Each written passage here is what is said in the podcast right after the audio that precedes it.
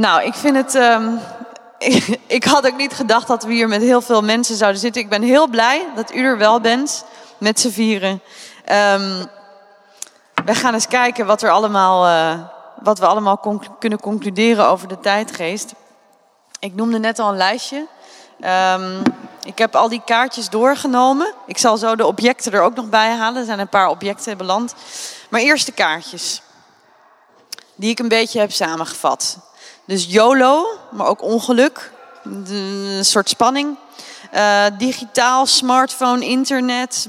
Ja, dat, dat kenmerkt onze tijd aan oorlog. Dus ik weet niet of het een grapje was, maar nou ja, waarom eigenlijk? Het is, het is, ja, oorlog, kan. Liefde.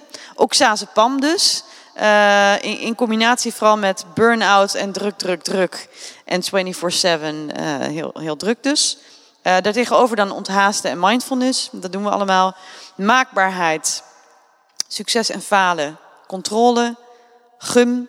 Mag jij zo vertellen waarom uh, de gum erin zit? de angst regeert. Homebrewed beer.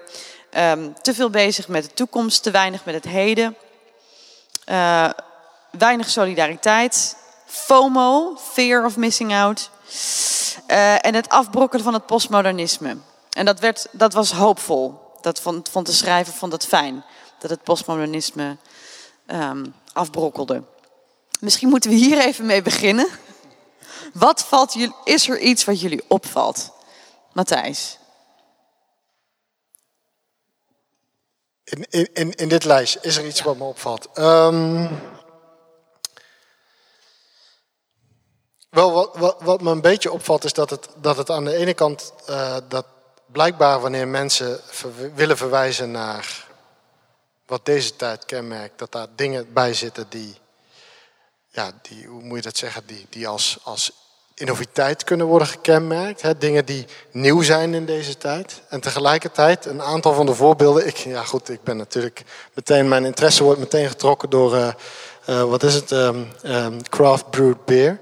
Um, maar de, uh, tegelijkertijd op een, op een aantal punten er ook iets, iets, iets, iets hoe moet je het zeggen? Een soort, een soort hang naar authenticiteit of naar het oude of naar het, het verdwijnen ergens van. Um, uh, lijkt te spreken uit een aantal van die voorbeelden. Ik weet niet of ik een gum ook zo mag, mag, mag interpreteren, Jawel. wellicht wel. Jawel, dat mag je zo dus- interpreteren. Dus, dus, dus dat, dat, er een, dat er een, aan de ene kant verwijst men naar, naar, naar vernieuwing en naar de effecten die die vernieuwing op het, op het hedendaagse leven heeft. Aan de andere kant zien we ook in veel van die voorbeelden uh, een soort hang naar het, naar het authentieke. En inderdaad, dat zie je ook volgens mij in, in populaire uh, cultuur. Je ziet dat een beetje in het. Hè? De, de figuur van de hipster, de figuur van de authentiek geproduceerde. Uh, hoe zeg je dat? Het, het, fenomeen van authentiek geproduceerde uh, producten, bier bijvoorbeeld. Um, dus aan de ene kant kenmerken we onze tijd als een tijd van het nieuwe. En aan de andere kant houden we vast op de een of andere manier aan uh, een idee dat we hebben van hoe dingen ooit geweest zijn. Wat ik me afvraag of dat ook zo is. Ik denk in de meeste gevallen niet eigenlijk. Maar... Dus dat lijkt dan een beetje op die nostalgie waar jij het misschien ook over hebt, uh, Joyce. Nou, wat mij ook heel erg opviel aan dat lijstje is dat er ook heel veel dingen tussen stonden die wat mij betreft van alle tijden zijn. Vroeger had je ook liefde en oorlog en dat soort dingen, toch? Ja, we hebben vandaag een praatje gehoord uh, over, uh, over een, een, vrouw in de, in de 18e eeuw, als ik me goed herinner, die, die vreemd ging en, en veroordeeld werd hier op de grote markt, dat de hoofden af werd gehakt. Ja, dat lijkt mij toch ook uit liefde te zijn gebeurd. Dus als ze dat 300 jaar geleden hadden, dat lijkt mij niet kenmerkend voor deze tijd. Hoe bedoel je uit liefde? Nou ja, dat, dat, dat liefde de bol in gang zetten. Maar uiteindelijk. Liefde is van alle tijden. Oorlog is, is hopelijk alleen van het verleden en het nu. En in de toekomst niet meer. Maar dat is een hoop die ik uitspreek, niet een verwachting, helaas. Ik denk niet dat dat kenmerkend is voor het nu. En dat is wat we proberen te doen met deze tijdscapsule, toch? Ja, Jazeker, nou, ik moet zeggen dat mij zelf wel opvalt, maar dat is ook omdat ik heb zitten kijken naar wat voor lijn zit er nou in de, in de lezingen ook die we vanavond allemaal gehoord hebben. Uh, ik blijf heel erg hangen aan, aan uh, maakbaarheid, aan controle, Ehm, het zat zowel in het verhaal van Mira Vechter over de manier waarop we proberen ons lichaam te controleren. Dat zich evenwel nooit laat temmen, zeg maar. Of het doet steeds dingen die we niet verwachten. Het is wild in die zin. Uh, controle die we zoeken in het onderwijs. Door met allerlei meetsystemen te komen. Waardoor we nog efficiënter en nog meer controle hebben over dat leerproces. Nou, dat, dat lijkt mij dan wel iets wat toch kenmerkend is voor, voor onze tijd. Of zouden jullie ook zeggen dat dat van alle tijden is? Ja, misschien niet in de mate dat we, dat we nu controle proberen uit te oefenen. Maar ik denk inderdaad ook. Ja, ik ben natuurlijk geen historicus, ik weet niet zo heel veel van de geschiedenis. Maar misschien kan uh, iemand in de zaal daar, uh, daar wat bij helpen. Maar ik denk dat ze vroeger ook probeerden bijvoorbeeld een samenleving op een bepaalde specifieke manier in te richten, zodat ze daar een bepaald resultaat mee konden krijgen. Er zaten redenen achter uh, het triumviraat bijvoorbeeld in het oude Rome.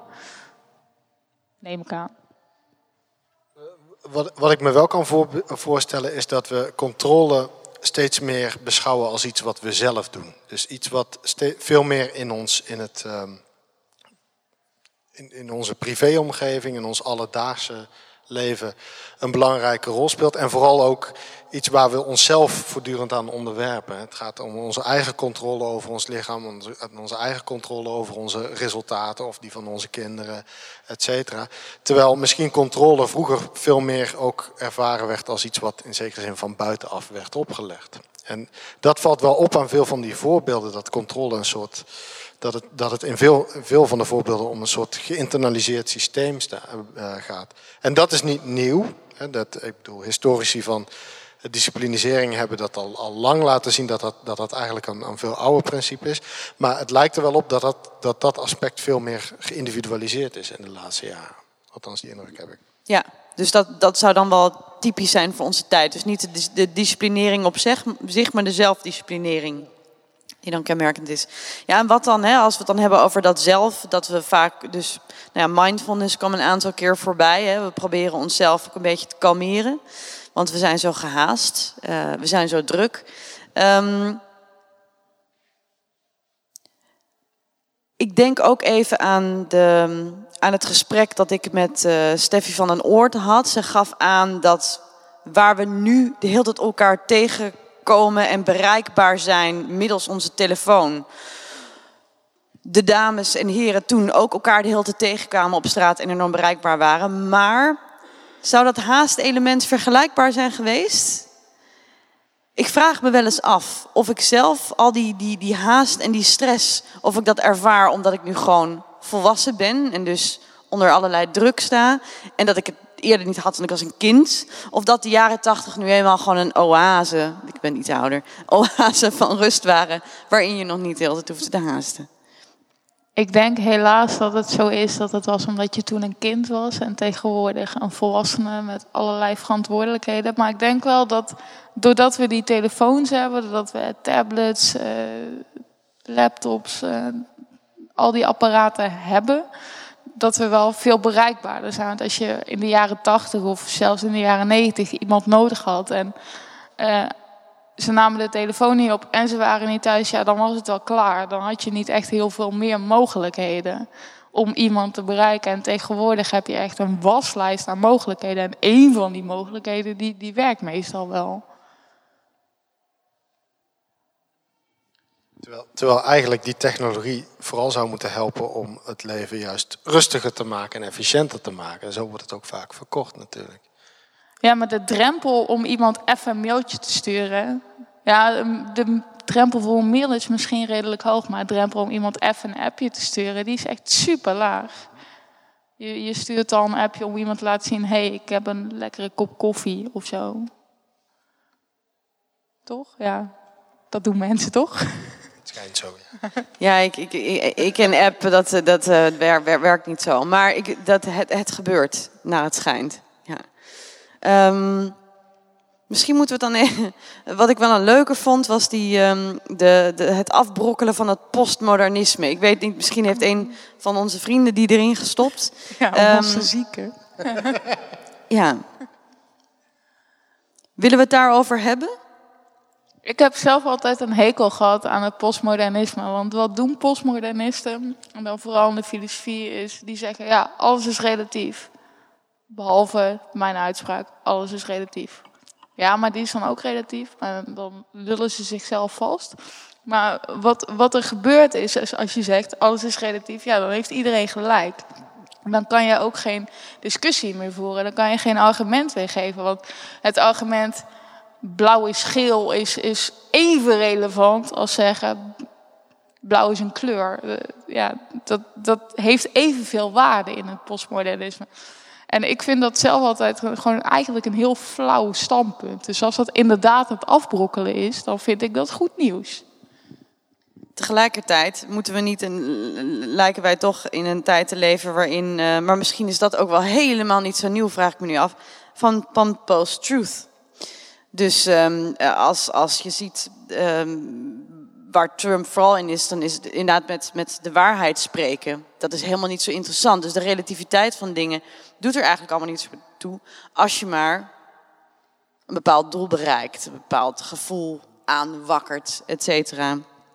Ah, ook dat is niet van deze tijd. Uh, in 1933 geloof ik, uh, ergens begin jaren 30, toen had je uh, minister Schem van Cultuur in, in Duitsland en die zei tegen alle uh, professoren op universiteiten van ja, jongens, het is niet langer jullie taak om te onderzoeken wat de waarheid is, maar het is alleen maar jullie taak om te onderzoeken of iets in overeenstemming is met het nationaal socialisme of niet.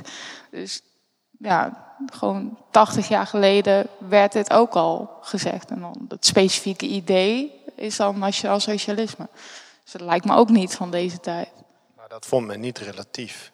Ik, ik weet niet zo goed. Het nationaal socialisme vond men niet relatief. Zichzelf, nee. vond zichzelf niet Ik bedoel, ik, ik weet nooit zo goed wat, wat er met die term postmodernisme bedoeld wordt, eerlijk gezegd. Ik heb zelden iemand tegengekomen die zichzelf postmodernist noemde. Maar um, uh, als het iets betekent, dat zou ik zeggen, is het. Als je de essentie ervan zou moeten proberen te vatten, dan is het denk ik eerder in termen van dat alles geconstrueerd is, dan dat alles relatief is. En wat me dan opvalt is dat, de, dat met name bijvoorbeeld politici of mensen in het publieke debat die postmodernisme bekritiseren en het idee dat alles geconstrueerd is bekritiseren. Um, en om, iemand te noemen in het Nederlandse debat, hè, Thierry Baudet speelt daar een belangrijke rol in, die bekritiseert dat idee. Maar tegelijkertijd hebben juist dat soort politici en, uh, en partijen zelf ook, in ieder geval, dat, zo lijkt het op mij, uh, zelf ook een heel sterk constructief idee van wie hun achterban eigenlijk is. Van wie, hun, van, van wie het Nederlandse volk is, et cetera. En lijken ze daar zelf ook zich, zich best sterk van uh, bewust te zijn. In, zekere zin zijn de critici van het postmodernisme, uh, zoals ze zichzelf noemen, lang niet altijd minder postmodernistisch uh, dan dat postmodernisme zelf. Dus ik vraag me af of het afbrokkelt. Ik denk dat een deel van die, van die kritiek eigenlijk uh, eerder een bevestiging er is ervan dan een afbrokkeling. Jazeker, ik wilde net uh, jullie kant op. Ja.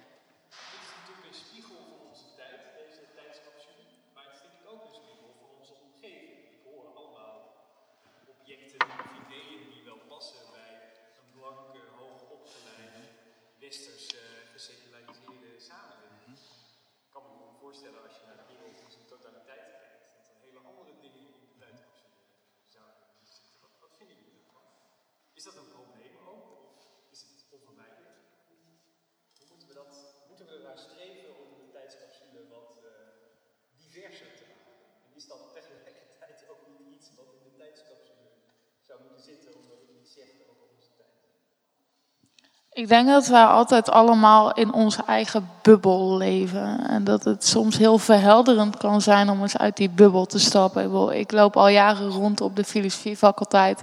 De meeste van mijn vrienden zijn vegetariër. Er zitten een paar veganisten tussen. Uh, we stemmen allemaal links. Uh, we spelen allemaal games. Uh, we zijn allemaal hetzelfde soort mensen.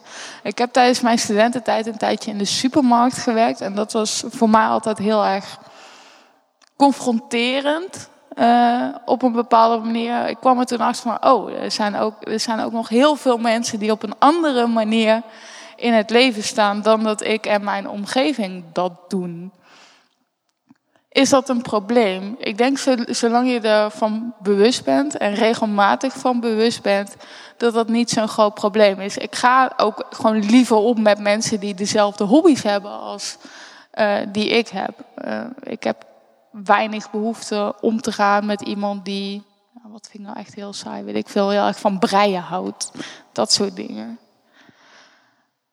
Ik denk wel dat we, dat we ons daar zelf ons daar heel erg bewust van moeten zijn. Het is wel ook zo dat op Radboud Reflex lezingen komen gewoon, komt ook gewoon een bepaald soort publiek af. Dat zijn vaak de mensen die wat geïnteresseerder zijn in het wat verder nadenken, nadenken achter uh, de dingen. Ja, is dat een probleem? Ik denk ook dat dat gewoon het publiek is. Nou dat ja, dit maar soort ik vraag me dan trekken. wel af. Hè, ook. Ik, ik kijk nu ook even naar jou, Matthijs. Want jou eigenlijk, jouw, jouw punt is ja, hartstikke leuk zo'n tijdcapsule. Maar van wie, wiens tijdscapsule is dit eigenlijk? En hoezo de tijd vangen? Wie, van wie is de tijd? En uh, ja, en, dit, dit, zegt helemaal niks over onze tijd. Dit zegt, nou ja, dit, nee, dat is niet, sorry, nee, dat, dat, maar dit, dit zegt vooral iets over deze tijd hier in Nijmegen binnen een bepaalde groep mensen. Misschien, misschien Nederland.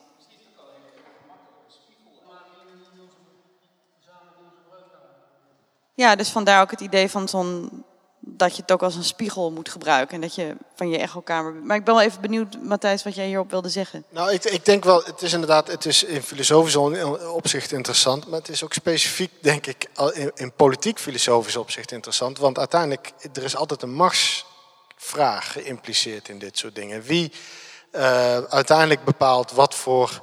Ja, goed, dit is natuurlijk dan, dan een, een, abstract voorbeeld. Maar wie, wie, wie uiteindelijk uh, uh, de, de, macht heeft om te bepalen wat er in zo'n capsule terechtkomt. wie uiteindelijk de macht heeft om te bepalen um, wat onze tijd kenmerkt. Um, creëert daarmee ook het beeld wat van die tijd zal, zal bestaan. En andersom ook degene die uiteindelijk de macht heeft om zo'n capsule te te, te, te legen en, en te interpreteren, eh, kan op, afhankelijk van wat diens belangen of uh, interesses zijn, op heel verschillende interpretaties van de geschiedenis uitkomen. Dus die, die machtsvraag, die is altijd geïmpliceerd in, in, in geschiedvertelling. En, en die is altijd geïmpliceerd ook in, ook in de anticipering op hoe die geschiedenis misschien in de toekomst verteld zou kunnen worden.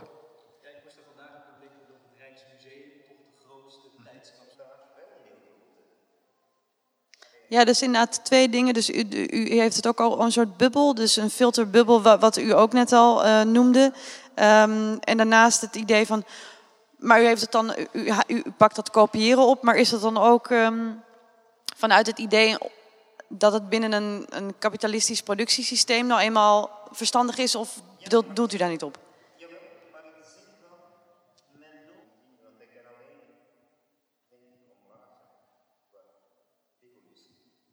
Maar ik bedoel helemaal niet dat je alleen maar met gelijkgezinden om moet gaan. Zeker niet en zeker niet in de academie. Uh, juist als je, als je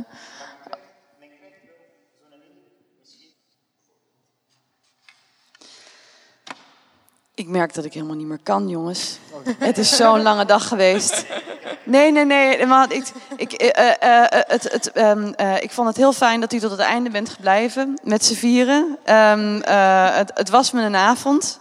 maar mijn concentratie is in ieder geval op. Maar dank u wel. en dank jullie. En we gaan lekker ons biertje opdrinken. Misschien tot volgend jaar. Bedankt.